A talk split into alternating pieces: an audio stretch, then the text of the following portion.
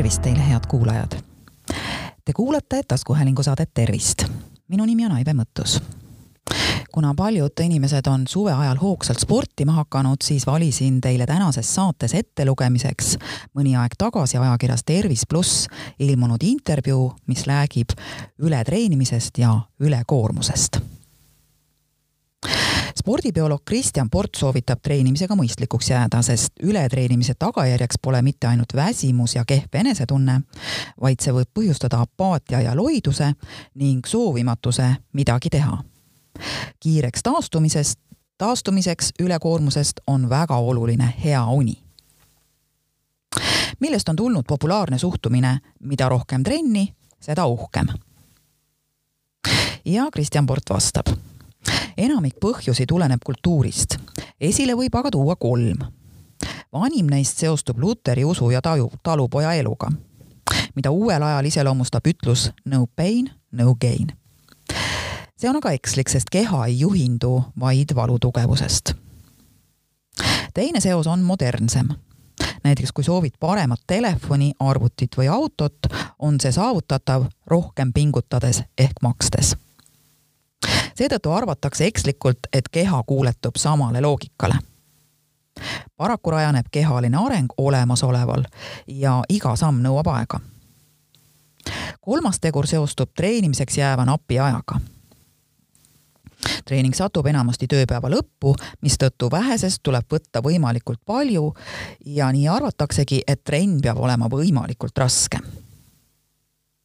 teadmiste levik on samas rahvasportlaste arvu kasvule järele jõudnud veebiruumis ja raamatupoodides on retseptide ja kokaraamatute kõrvale ilmunud väga palju materjali kehalise treeningu kohta. lisaks on näiteks Tallinna Ülikoolis korraldatavad loengusarjad Treeni teadlikult alati rahvast täis. nähtusel on ka oma pahupool. näiteks treeninguga seotud toidulisandite purgid, mis kodudesse kogunevad teema intensiivsust reedab eriti teismeliste huvi toidulisandite vastu. mis vahe on aga ületreenimisel ja ülekoormusel? ülekoormus võib olla teadlik eesmärk. pärast raskemat treeningtsüklit töövõime väheneb. lühikese puhkuse järel aga taastub ja on oodatavalt ka natuke paranenud. ületreening on keerulisem ja ohtlikum nähtus ning tekib siis, kui ülekoormusele ei järgne piisavat puhkust. kuna keha reageerib koormustressile terviklikult, pole ületreeningu korral teada, milline talitus alt veab. tagajärjeks võivad olla mitmesuguseid haigusi iseloomustavad sümptomid, kusjuures kehalised võimed ei pea olema halvad. aga need ei ole ka head seetõttu tehakse trenni edasi ja olukord läheb aina halvemaks tippspordist leiab näiteid, kuidas ületreenitusest taastumine on võtnud aega üle aasta. mis aga toimub meie kehas, kui me seda liigselt kurname? keha reageerib ebatavalisele olukorrale stressireaktsiooniga. selle käigus korraldatakse ümber mitmete süsteemide talitus, sealhulgas ajus, lihastes, maksas, immuunsüsteemis ja mujal muutub ainevahetus, lihaste töövõime samuti käitumine. üldjoontes püütakse tagada keha energiavarustus ja pidurdada tegevust energiakriisi põhjustavates kudedes, sealhulgas töötavates lihastes. muuhulgas pärsitakse lihastes valgusünteesi juhul, kui ei järgne puhkust, mille jooksul saab keha energiavarusid taastada, ja käivitada lihastest kohanemiseks ehk treenituse kujunemiseks vajaliku valgusünteesi, kahaneb organismi töövõime, lihasmass väheneb ja süveneb haiguslike ilmingute risk. millised on levinumad ületreenituse tagajärjed rahvasportlastel? Kristjan Port ütleb, et siin peab jälle eristama ülekoormust ja ületreenitust ülekoormuse tagajärjeks on valutavad lihased ja väsimus, halvemal juhul ka põrutused, venitused ja väänded, kuna väsinuna on nende tekkimise oht suurem. ületreenituse korral aga jäetakse enamasti treenimine pooleli, sest tulemused ei parane ja üleüldse on kehv olla. sageli kombine-, kombineerub see ülejäänud elu probleemidega kuidas ületreenimise piirile lähenemist ära tunda esimeses faasis on iseloomulik kergem ärrituvus ja halb uni. enamasti aitaks siis puhkusest kurnatuse süvenedes järgneb üldjuhul apaatia ja loidus, soovimatus midagi teha seda on raske ära tunda, kuna põhjuseks tuuakse teisi tegureid, muuhulgas kas siis näiteks ka külmetust või haigust. Tegelikult on külmetuse põhjuseks tihti just kehaline kurnatus. millised on aga ületreenitusest ja ülekoormusest taastumise võimalused? no esimese ja sisuliselt ainsana toob Kristjan Portsin välja puhkuse. tähtis on hoolida oma kehalisest ja ka psüühilisest puhkusest.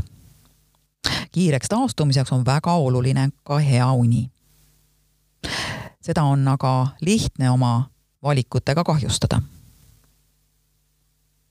millest tekib treeningsõltuvus ja kuidas olla mõõdukas trenninarkomaan? Kristjan Pordi sõnul tuleneb võimalik põhjus evolutsioonist ja looduses ellujäämise vajadusest enamik ellujäämise lahendusi oli seotud kehalise tööga.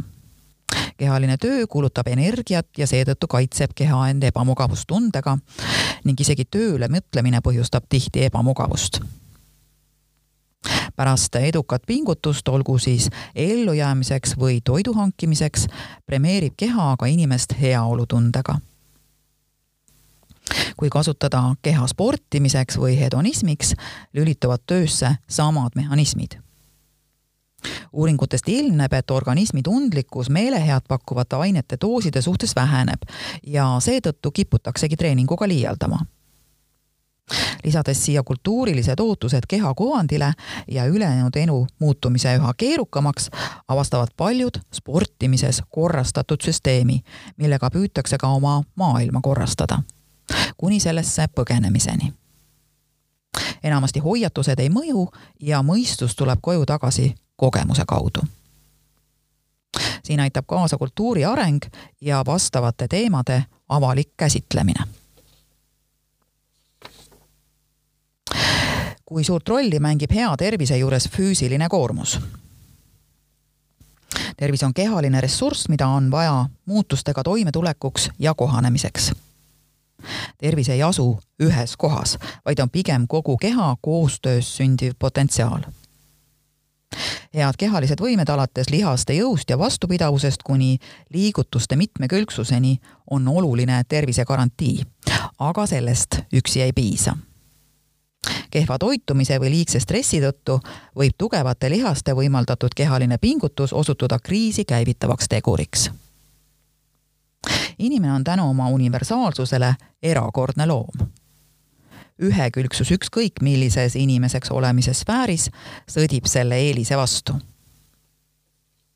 ja viimane küsimus. kui palju liikumist keha edukaks toimimiseks vajab? praeguste arusaamade järgi on soovitav umbes saja, sada viiskümmend minutit mõõdukat koormust nädalas. samuti leitakse, et kehaliselt aktiivne võiks olla kahel protsendil ärkvel oldud ajast tähtis on aga regulaarsus ja mitmekülgsus. episoodiline suurem pingutus on kehale pigem kriisi kui arengustiimuliks. ühekülgsus viib arengu stagneerumiseni, suurendab vigastuste ohtu ning on lõpuks ka igav. head kuulajad, see oli siis intervjuu ajakirjast Tervis pluss ning spordibioloog Kristjan Porti küsitles ajakirjanik Kadri Kütt head kuulajad, te kuulasite taskuhäälingu saadet Tervist. saate leiate Delfi podcastide pesast tasku, nutirakenduste Spotify, Apple Podcasts, SoundCloud ja teised. hakake jälgijaks ja kuulake just teile sobival ajal. ettepanekuid teemade kohta, mida saates käsitleda, ootan teilt ikka jätkuvalt e-posti teel aadressil tervist.maaleht.ee. olge julged ja saatke kirju minu nimi on Aive Mõttus, olen Maalehe taskuhäälingu saate Tervist toimetaja. tervist teile!